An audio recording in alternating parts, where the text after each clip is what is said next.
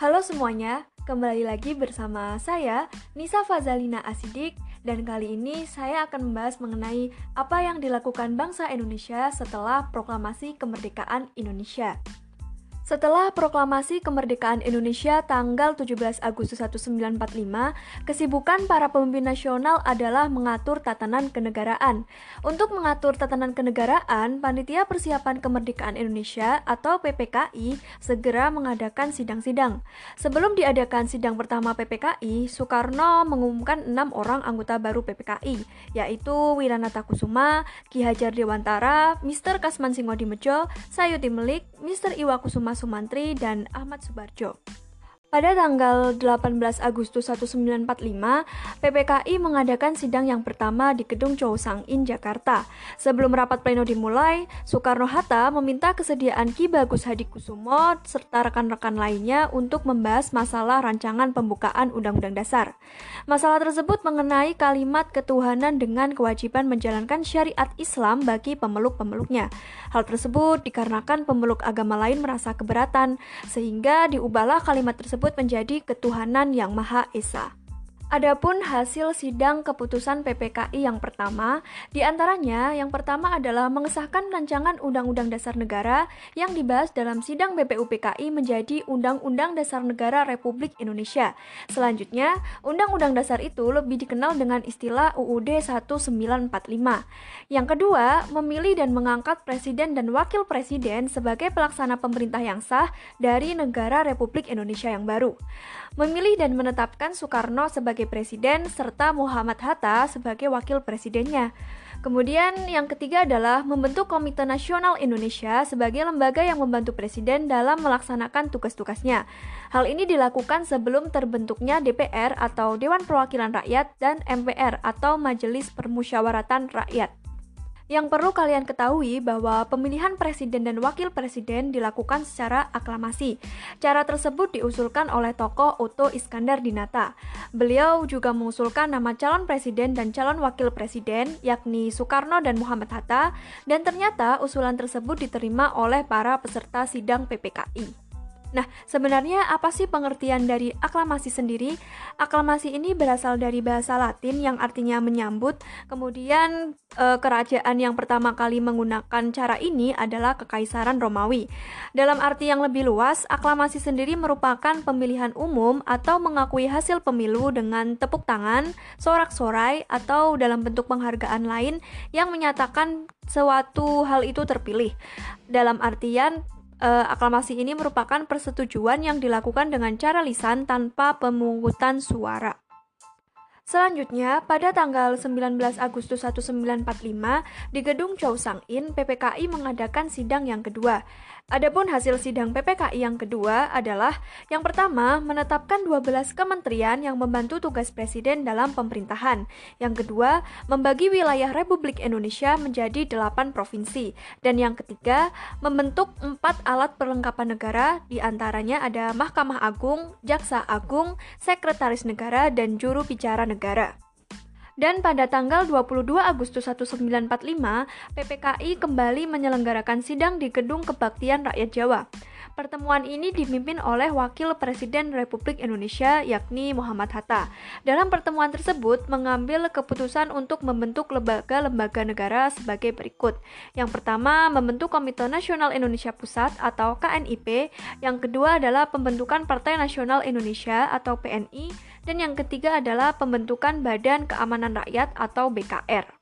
Selanjutnya, kita akan memahami lebih dalam lagi mengenai alat kelengkapan negara. Yang pertama adalah pembentukan Komite Nasional Indonesia Pusat atau KNIP. Secara resmi, anggota KNIP dilantik pada tanggal 29 Agustus 1945. Kemudian, dalam sidang KNIP yang pertama, berhasil memilih ketua dan wakil ketua. Kasman Singodimbejo dipilih sebagai ketua dengan wakil ketua 1 M. Sutarjo, wakil ketua 2 Latu Harhari, dan wakil ketua 3 ada Adam Malik.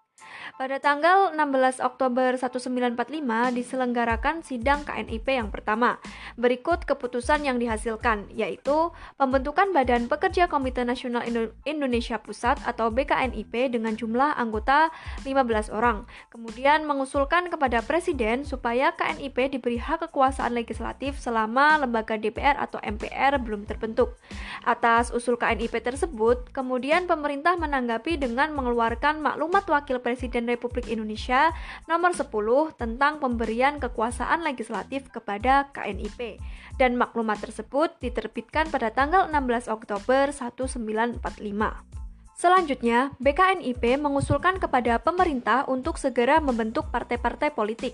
Usul tersebut terdapat dalam pengumuman BKNIP nomor 3 tanggal 30 Oktober 1945. Usul BKNIP tersebut mendapat respon positif dari pemerintah dengan adanya maklumat pemerintah nomor 3 tanggal 3 November 1945 tentang anjuran pembentukan partai-partai politik. Selanjutnya dibentuk pula KNID atau Komite Nasional Indonesia Daerah di seluruh provinsi Indonesia.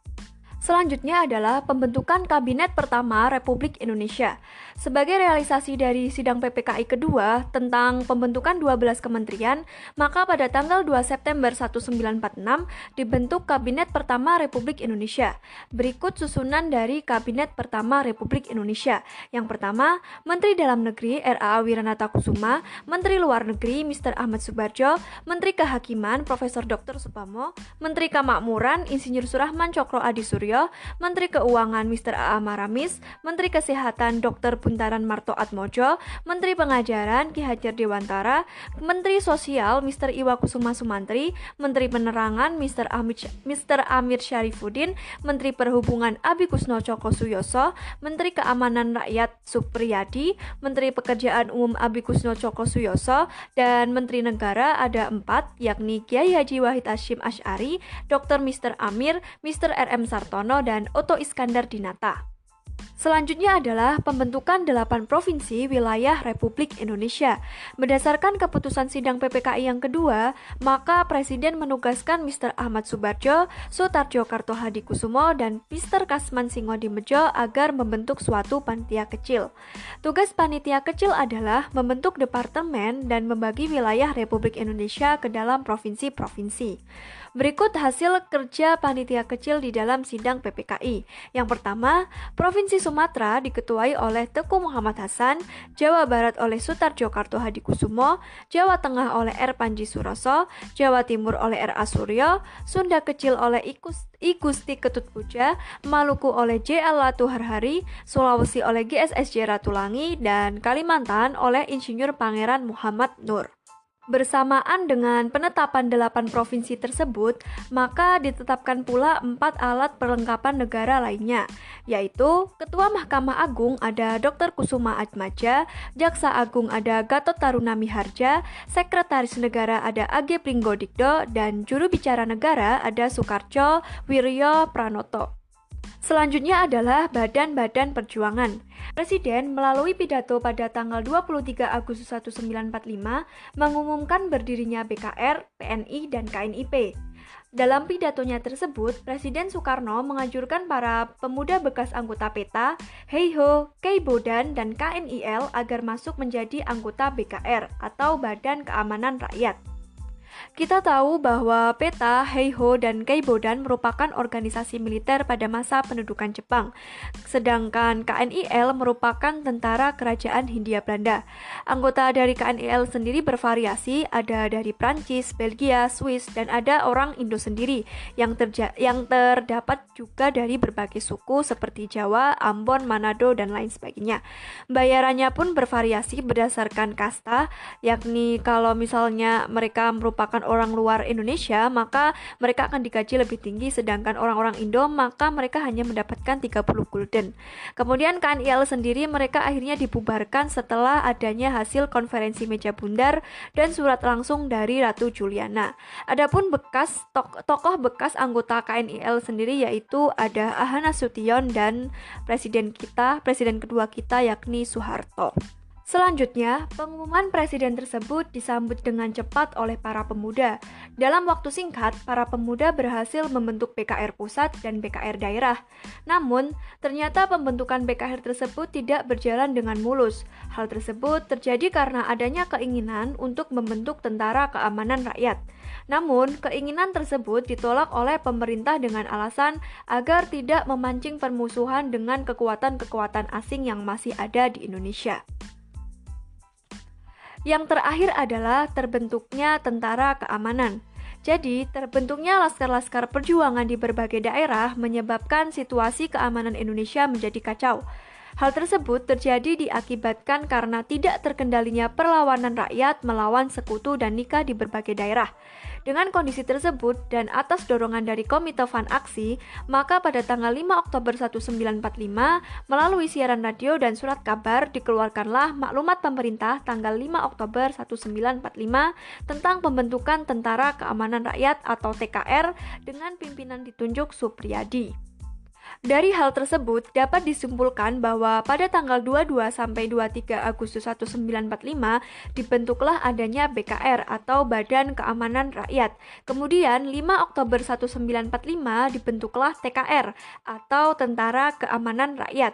Kemudian Januari 1946 dibentuklah TRI atau Tentara Rakyat Indonesia dan 3 Juni 1947 sampai sekarang dibentuklah adanya TNI atau Tentara Nasional nasional Indonesia. Demikian yang dapat saya sampaikan, sampai bertemu di materi yang selanjutnya. Sampai jumpa.